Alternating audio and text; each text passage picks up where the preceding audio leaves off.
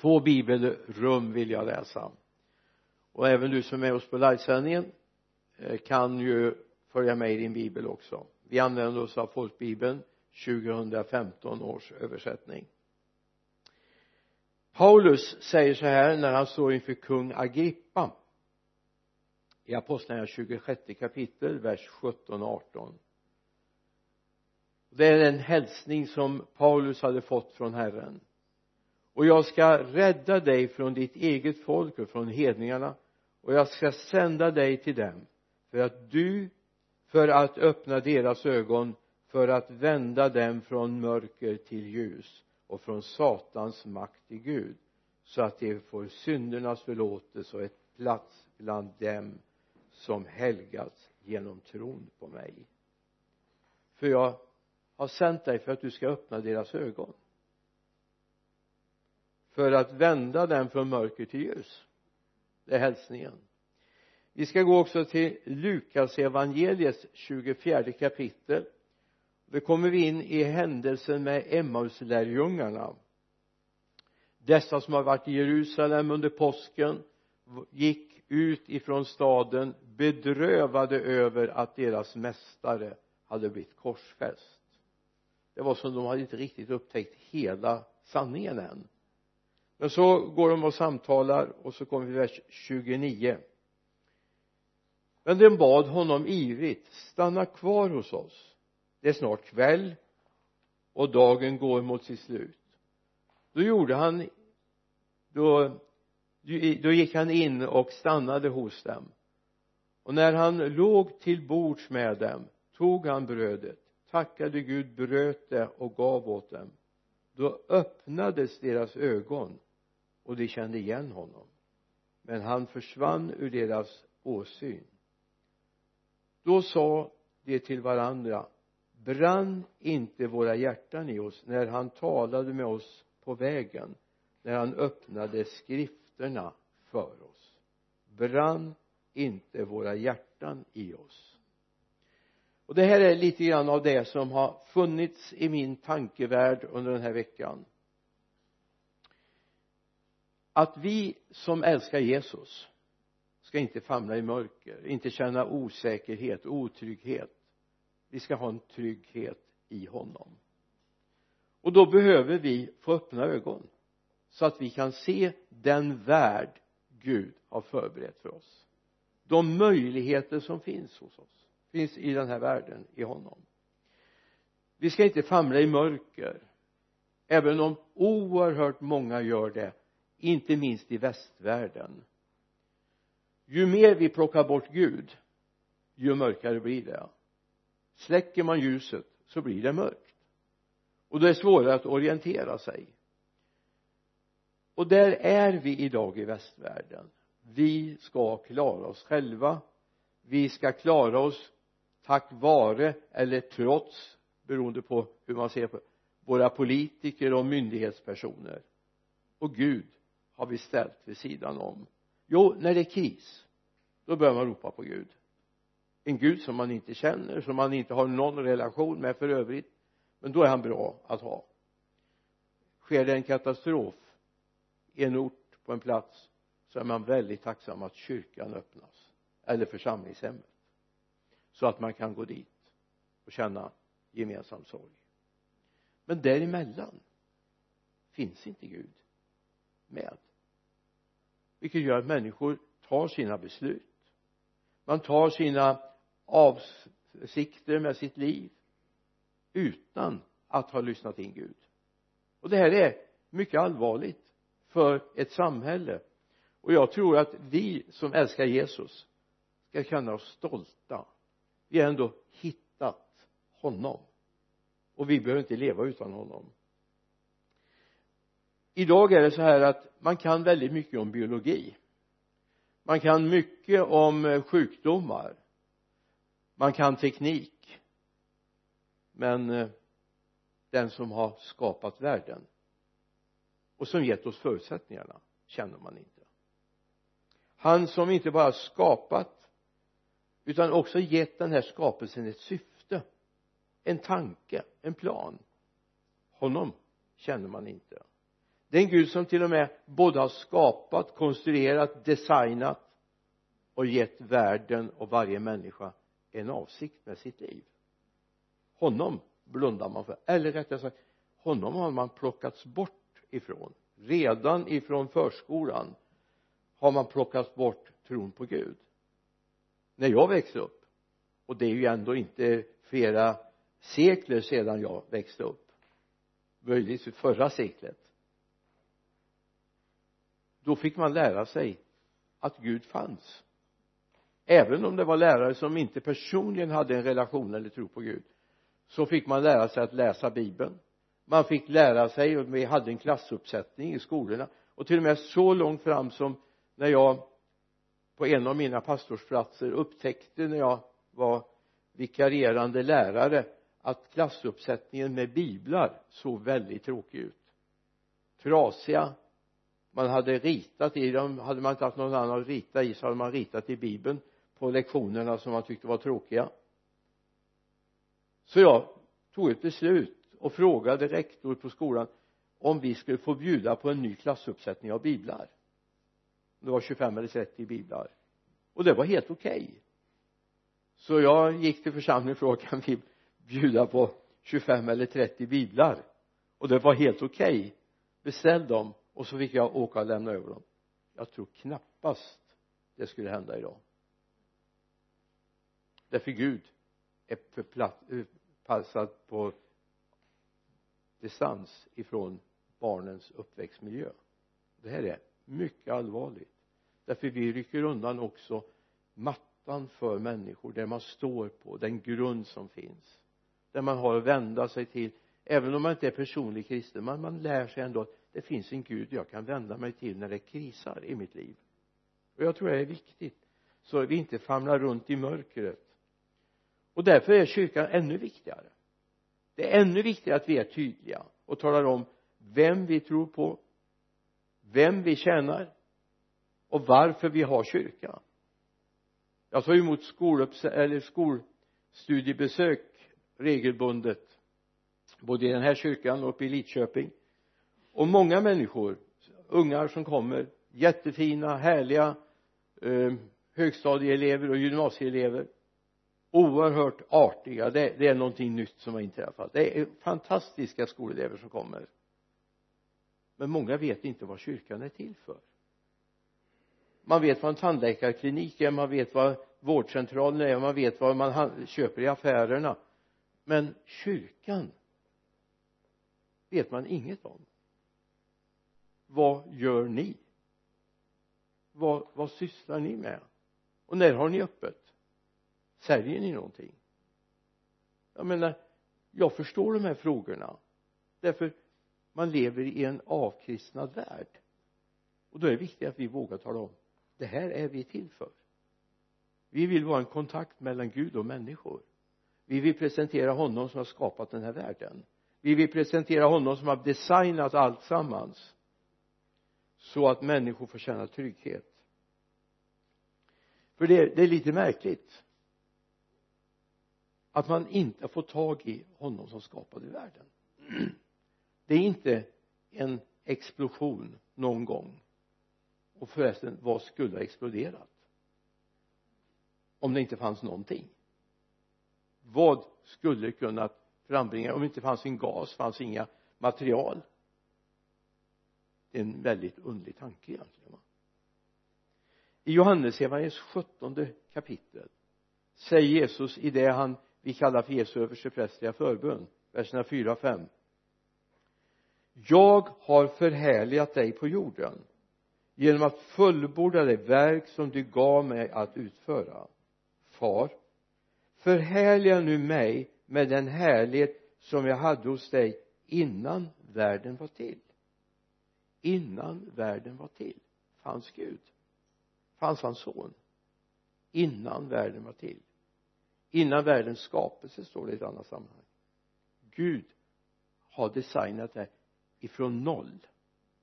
Han startade alltsammans. det är min enkla tro. Alltså ärligt talat det är lättare att tro att Gud har skapat världen än att tro att den har blivit till av en slump. Det kräver mycket större tro eller som min lärare sa när jag slutade sista lektionen med honom innan jag skulle gå vidare till en annan klass. Tittar han på oss och så säger han ja jag är inte speciellt religiös. Men en sak vill jag säga. Jag tror inte världen har blivit till av en slump. För tänk det kan ju vara en slump igen. Och så finns den inte. Och det vore hemskt att tänka den tanken. Min älskade lärare Lövgren sitter på katedern och säger det här. Och det här tog tag i oss. Det är inte bara en slump. För tänk en slump igen. Så är allt borta. Men så är det inte. Allt hålls i Guds hand. Och det är viktigt att vi får tag i det här så att vi börjar förstå att det finns en annan dimension av världen. Det här är inte allt vi ser. Vi ser bara endels. Vi ser bara en del av hela den här skapelsetanken som finns i världen. Likaså är det viktigt att vi har med oss en tanke den finns på några ställen i bibeln men jag plockar nu bara femte mosebok. Det är nittonde kapitlet vers 14 men det här återkommer på flera ställen i gamla testamentet. Det är en tanke som kommer och som jag tror är viktiga. Du ska inte flytta din grannes gränssten som fäderna satte upp i den arvedel du fått, får i ditt land som Herren din Gud ger dig till besittning. Du ska inte flytta det som är Gud har satt in. Och jag tänker här har vi gränsstenar tänkta gränsstenar. Synen på rättfärdighet på livets okränkbarhet att döden är inte slutet etc ett antal gränsstenar som man gärna flyttar på idag. Och det är viktigt att komma ihåg även en synd som har begåtts i skymundan är fortfarande en synd. Även om aldrig någon människa på jorden kommer se att du har gjort det så finns det en som har sett det. Och i torsdags kan gå in och lyssna på predikan. Från i torsdags i Lidköping talar jag om att vi ska stå inför Kristi domstol en dag.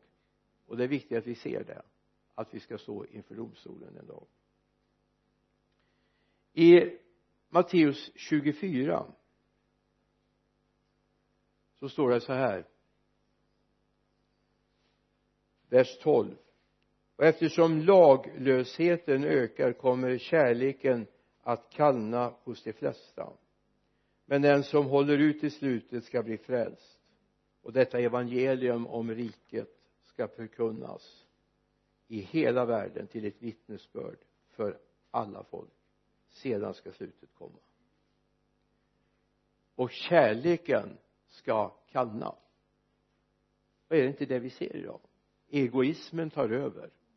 Empatin står på undantag. Samtidigt får vi säga att det finns många människor som har verkligen visat empati i de flyktingströmmar och så vidare vi har haft.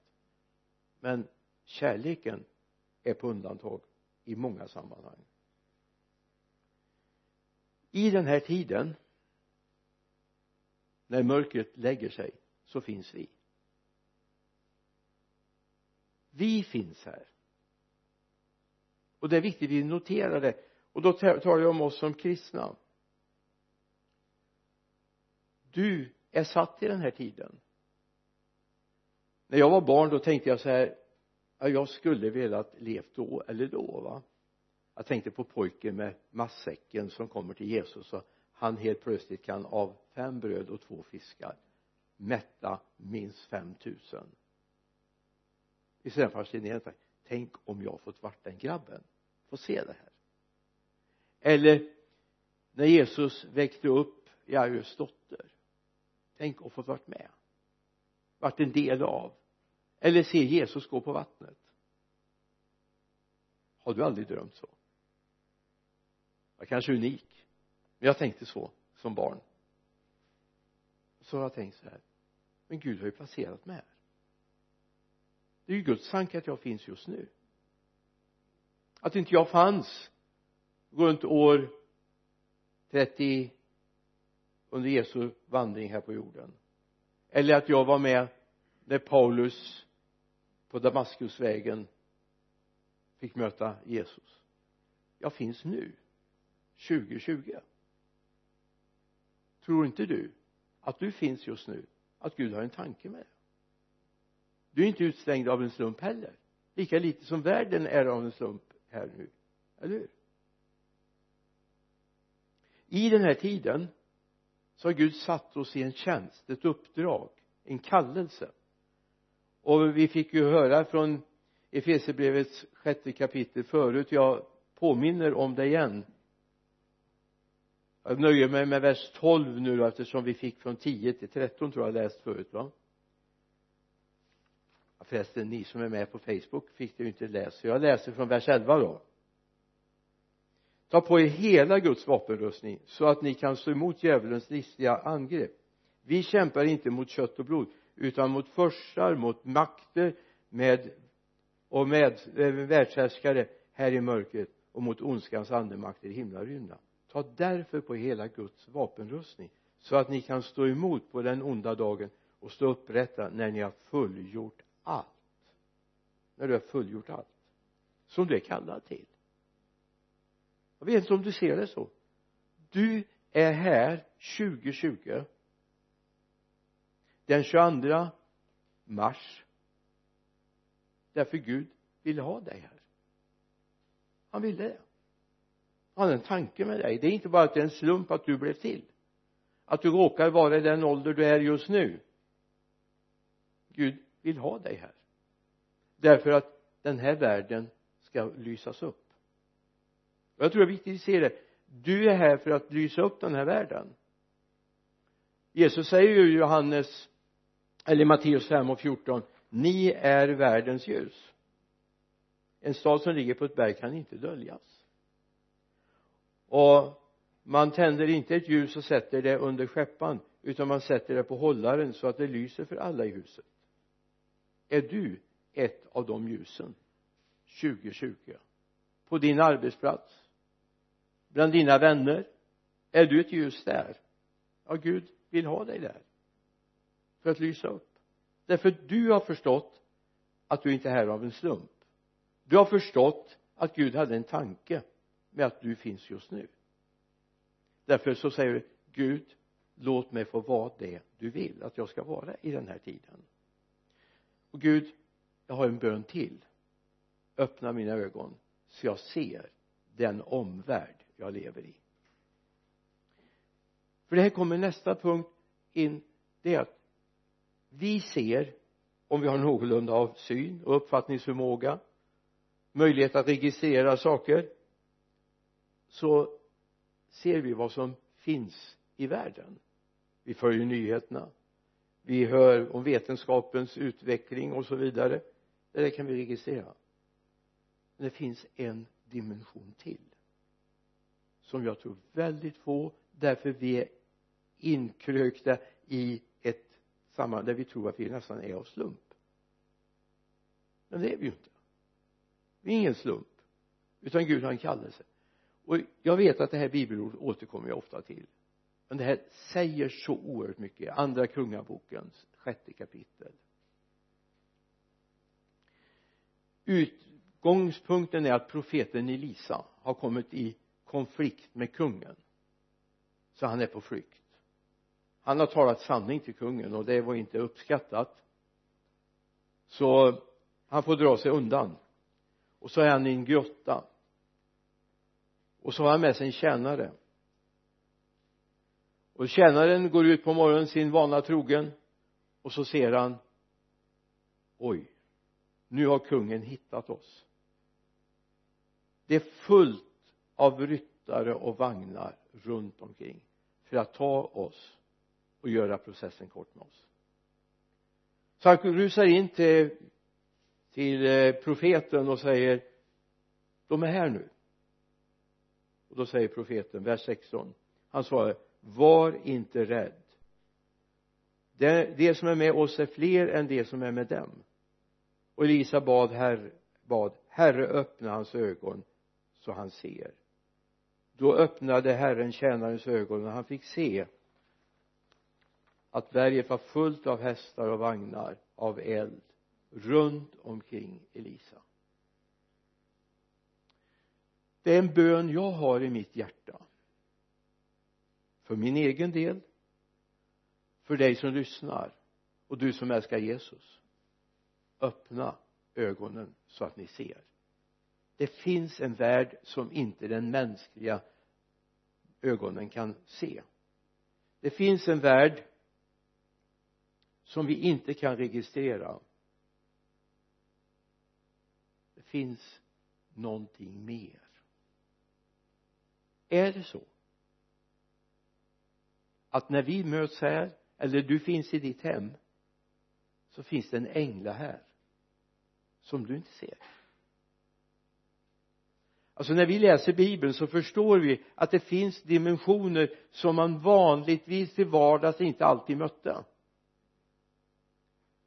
Det var inte vardagligt men här finns det när, när profeten hade redan sett det. Han har redan förnimt att Herrens herre är här för att beskydda oss. Jag behöver inte vara orolig. De andra fanns också. Det var inte så att han tog bort dem utan de fanns där men det fanns en himmelsk, himmelsk här också som var större kraftigare starkare och kunde beskydda. Så är det också för oss. Det finns vi talar om skyddsänglar. Jag tror att de är i legion. Alltså mängder av skyddsänglar som omsluter oss. Och Gud skulle ibland behöva öppna våra ögon så att vi ser att det finns en dimension till jag tänker på Josua i femte kapitlet trettonde versen och några verser framöver. Jag ska inte läsa hela sammanhanget jag vill bara att du tar upp det framför dig. Johannes, eller Josua 5, 13 till 15 helt plötsligt upptäcker Josua oj det står en man med ett draget svärd. Och jag tycker han är görmodig. Ärligt talat han går fram och frågar är du på vår sida eller är du på motståndarens sida? Tänk om han hade varit på motståndarens sida. Då kunde processen varit kort. Han går fram ändå frågar. Och då säger han nej jag är ingendera jag är härhövitsmannen över Herrens här. Alltså det var inte någon person som han vardagligen umgicks med eller såg. Men helt plötsligt så uppenbarar sig hövitsmannen eller chefs ja vad det nu kan heta för någonting. Majoren, generalen eller vad det kan general är det nog. Överbefälhavaren eller vad ska vi säga? Över Herrens här. Finns där. Personifierad. Och jag tror att du skulle kunna få se mycket mer av det här om Gud bara får öppna ögonen så att du ser. Gud har inte tappat bort dig. Gud finns med dig. Gud är på din sida. Men ibland skulle vi behöva uppleva det, se det, registrera det. Och kanske det med oss som är Emmaus lärjungarna. Brann inte våra hjärtan i oss. För att eftersom inte hjärtana brann så såg de inte att det var Jesus som gick med dem. De trodde det var en vanlig pilgrim som var till Jerusalem och hade bett och var på väg bort ifrån efter den stora högtiden det var Jesus. När han bröt brödet med dem då kände de igen honom. Men då försvann han ur deras åsyn. Jag tror att vi behöver få se att det finns den världen och jag tror att det är det den här världens människor behöver få uppleva. Det finns några som fysiskt verkligen har sett hört varit med om att det finns en kraft till så inte det är någonting ja men de sa det förr och det står i bibeln. Men du måste säga jag har själv mött det jag har själv upplevt det jag är inte utlämnad. Jag vet att han är med mig. Inte bara som ett mantra som du talar in dig och försöker peptalka dig till. Utan du behöver veta jag har mött honom. Jag har sett honom. Han har inte övergett oss. Han är på vår sida.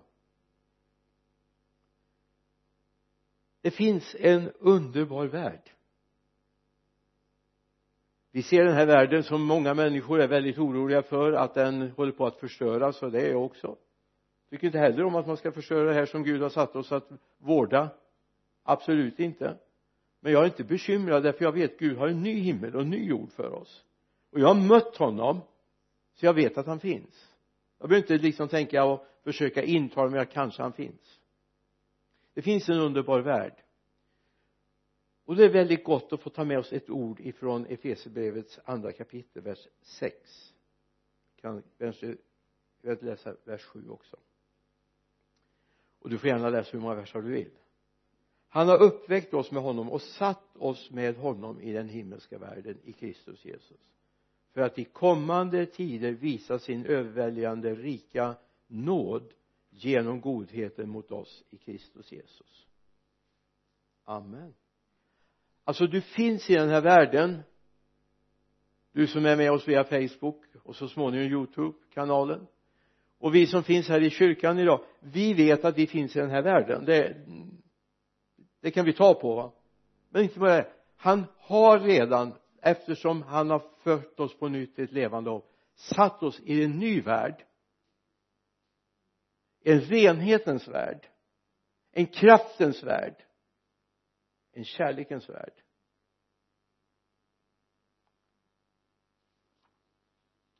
Det är viktigt att vi får upptäcka att det finns en himmelsk värld. Som jag redan nu som bräcklig människa får ha flyttat in i. Och han har flyttat in i mig. Han har uppväckt oss med honom och satt oss med honom i den himmelska världen. Han har gjort det. Han har gjort det. Så du kan säga tack gode Gud jag är redan med dig i din värld. Vilket innebär att jag också har ett löfte om att en dag när himmelen ska bryta in i dess fulla kraft då har jag en plats där. Jag är redan där med honom. Den här kroppen kanske jag får lämna här. Den tar jag inte med mig. Jag är väldigt tacksam för det att jag inte behöver det utan jag får en ny kropp. Eh, ingen som skulle vilja ha den kroppen. Men jag är glad så länge den får fungera här. Det viktiga är att vi får tag i att det finns andra referensramar för vårt liv. I det här livet så säger vi 70-80 år då blir livet långt va? Och jag förstår att det är väl det som folkhälsomyndigheten nu har tänkt på att 70 år. Jag förstår att de har läst bibeln de ska hålla sig borta ifrån folksamlingar. Och det gör vi ju inte. Äh, det gör vi ju naturligtvis, eller hur? Men det finns en annan referenspunkt också och den är viktig att få tag i. Vi är i den himmelska världen. Vi är i den himmelska världen.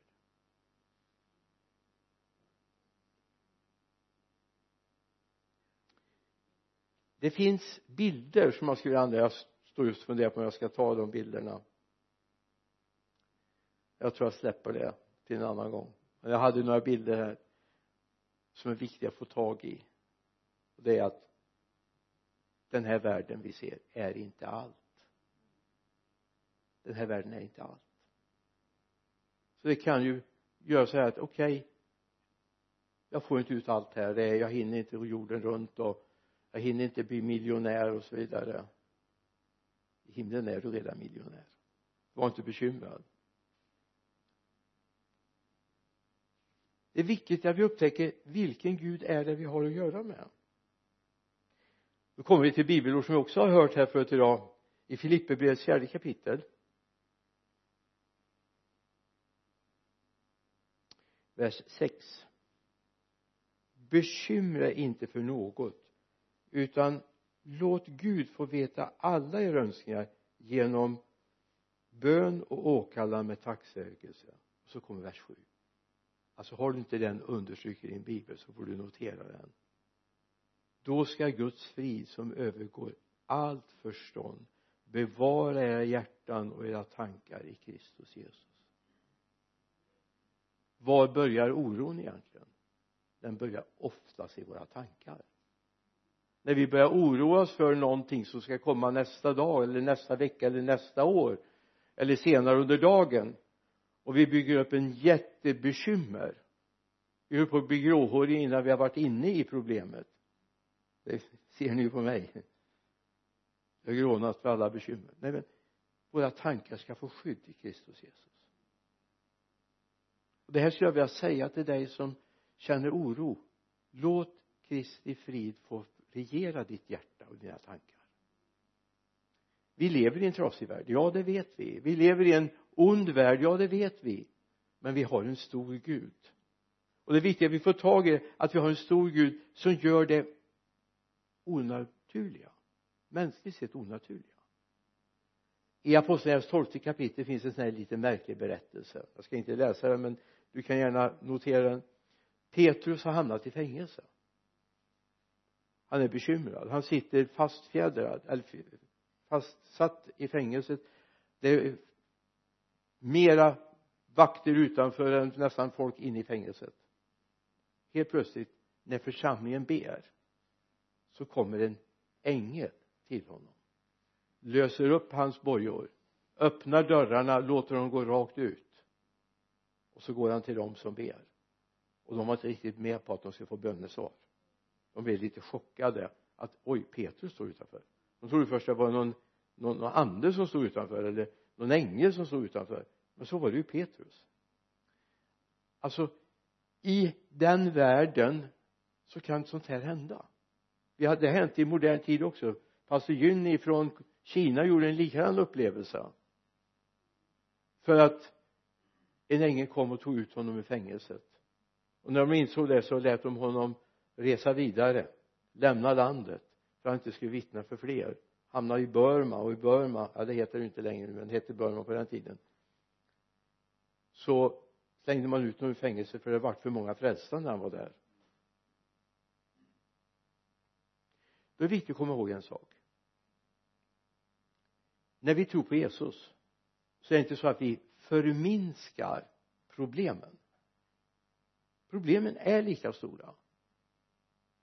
Men Gud blir större det är det det handlar om. Ditt problem, din sjukdom, din ekonomi det är lika stort fortfarande. Det är inte så att det blåses bort. Men Gud blir större.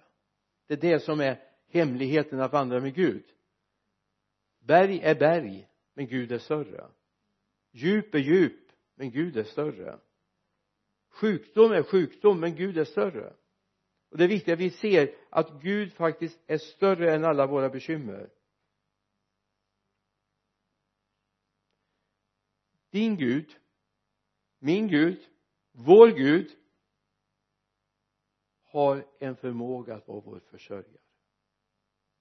Han vill vara vår försörjare.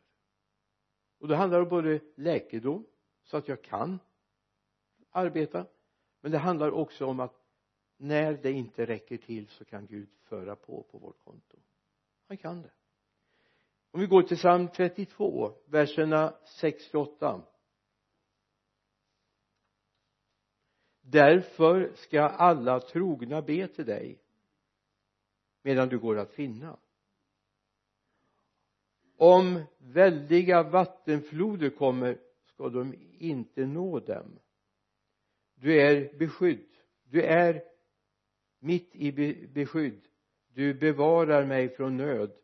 Du omger mig med frimodighetens frälsningens jubel. Vilken syn vers 28. jag vill lära dig och undervisa dig om den väg du ska vandra. Jag vill ge dig råd och låta mitt öga vaka över dig. När blundar Gud? Aldrig. När missar Gud någonting? Aldrig. Men när missar vi honom? Jag ska inte säga alltid men ofta alltså är det någonting vi behöver så behöver vi få öppnade ögon så att vi ser okej okay, Gud. Du är med mig.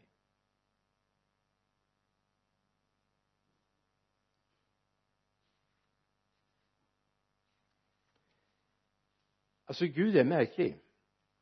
Vi läser om profeten Elia i första kungaboken 17 han får order av Gud att bege sig ut i ingenmansland kan man väl säga. Och så har han ett löfte. Du har det från vers 2 fram till vers 6 kan du läsa? Alltså han får order att Gud ska försörja honom. Och Gud gör det på sitt sätt.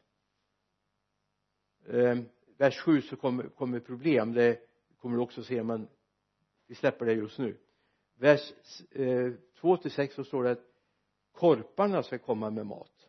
Med bröd och kött. Morgon och kväll.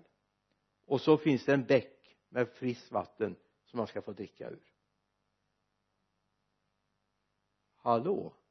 Skulle du våga tro skulle du våga tro att faktiskt fåglarna skulle kunna komma och försörja dig? Är det här bara en, en vacker bild eh, som beskriver något annat? Nej jag tror att det här är sant. Jag tror att det var så här. Och jag tror att det kan vara så att Gud har sina vägar att försörja oss med. Vi som är uppifrån Skaraborg vi hörde ofta tala om en Kristina som heter Ida Andersson som byggde upp en jättemission. Hon byggde bland annat 27 kapell startade 27 församlingar uppe i Skaraborgsbygden. Stora och små församlingar. En del lever kvar än en del är nedlagda nu därför folk har flyttat från landsbygden. Så därför finns inga men bland annat så hade hon ett barnläger på Broddetorp. Mina kusiner var ofta där på det här barnlägret Broddetorp. Hör och häpna. När alltså jag tycker att man ska planera och man ska lägga upp i lager och man ska verkligen se till att man har för hela veckan mat redan i skafferiet inte Ida. Icke. Utan varje morgon så fick barnen lära sig att krypa ner på knä och be om mat för dagen. Helt enligt bibelns rekommendation. Det fanns ingenting när dagen startade medan det är något som har blivit över från någon tidigare dag. Alltid kom Gud på olika sätt. Allt ifrån att en potatissäck trillade av ett lass och bonden åkte vidare och Ida tänkte ja men Gud puttade av den för min del. Till att lantbrukare kom och sa men Ida har du någonting att ge barnen idag? Jag har tog med mig här så här ska du ha till mat idag. Det här präglade barnen också. Mina kusiner talar ofta om det här Inger och Berit som då är äldsta kusiner i den gänget. Hur det var märkligt. Man startade med två tomma händer varje morgon men Gud lät dem inte svälta en enda dag. Alltså det finns en Gud som vi kanske inte riktigt har lärt känna. Som vi inte riktigt vågar lita på. Jag ska slita jag ska kämpa helst ta mig bort, vara borta ifrån gudstjänstgemenskap för att klara av brödfödan. Jag tror inte det är Guds tanke. Gud har en annan dimension och vi måste nu komma in och se det så Gud har omsorg om oss. Gud vakar över oss. Nu kommer jag till sista punkten som jag tror är viktig att vi får tag i. Hur kommer vi dit? Det är en härlig värld va? Gud har en dimension till. Ja det är två saker då. Det första är be om brinnande hjärtan. Be om brinnande hjärtan och vad är brinnande hjärtan jo när Guds ande får flytta in här. När du börjar verkligen älska Jesus. Inte bara pliktskyldigast går till Guds hus utan du älskar honom av hela ditt hjärta. Älskar syskonen. Be om brinnande hjärtan. Och det andra det har vi i uppenbarelsebokens tredje kapitel vers 18 det är sändebrevet till församlingen i Laodicea som egentligen inte är något positivt brev. Men det finns ett råd som är väl värt att ta vara på i vers 18 och jag råder dig att köpa guld av mig som är renat i eld så att du blir rik. Och vita kläder att skyla din dig med så att din skamliga nakenhet inte syns. Och salva att smörja dina ögon med så att du kan se. Det här sista skulle jag vilja bara notera. Vad är det för en smörjelse? Vad är det för en olja? Det är den helige ande. Johannes brevet talar om om eh, smörjelse med olja jag tror att det är det handlar om att du har andligt smorda ögon så att du kan se. Och då är det inte de här fysiska ögonen utan mitt hjärtas ögon. Min förmåga att se att Gud har en dimension till. Vi är väldigt begränsade människor. Vi kan bara se den närvarande. Men Gud vill att vi ska se att han finns också alla hans resurser finns. Att de här som uppenbarar sig i bibeln som kom och löste upp Petrus fängelset så han kom ut. Det som Josua fick möta den där härhövitsmannen de finns. Det är inga påhittade stories de finns. Du kan få möta dem. Mitt i din vardag kan du få möta Gud du har en dimension till. Låt mig få se det den dagen du börjar få se Guds värld kommer du älska honom ännu mer. Du kommer vilja vara med, med honom ännu mer. Räkna in honom i din vardagsekonomi räkna in honom i ditt så kallade livspussel räkna in honom i din uppgift att tjäna. Du finns ju här av en anledning. Det är ju inte liksom en slump att du är född så att du lever nu 2020, eller hur? Det är inte en slump. Gud har en plan. Tacka Gud för det. Jag är här. Och kanske du ska säga till Gud Gud se mig. Jag är här nu. Använd mig ska vi be. Så tackar vi dig himmelske far för din omsorg om oss. Herre hjälp oss att öppna våra ögon så att vi kan se att det finns en värld till där du råder. Är en värld som vi redan nu är predestinerade för att komma in i fullt ut. Men vi vill se mer av den redan nu far. Här är inte som bara checka historier utan herre verkligen få leva där och se. Du har omsorg om oss i allt. Prisat vare ditt namn. Amen.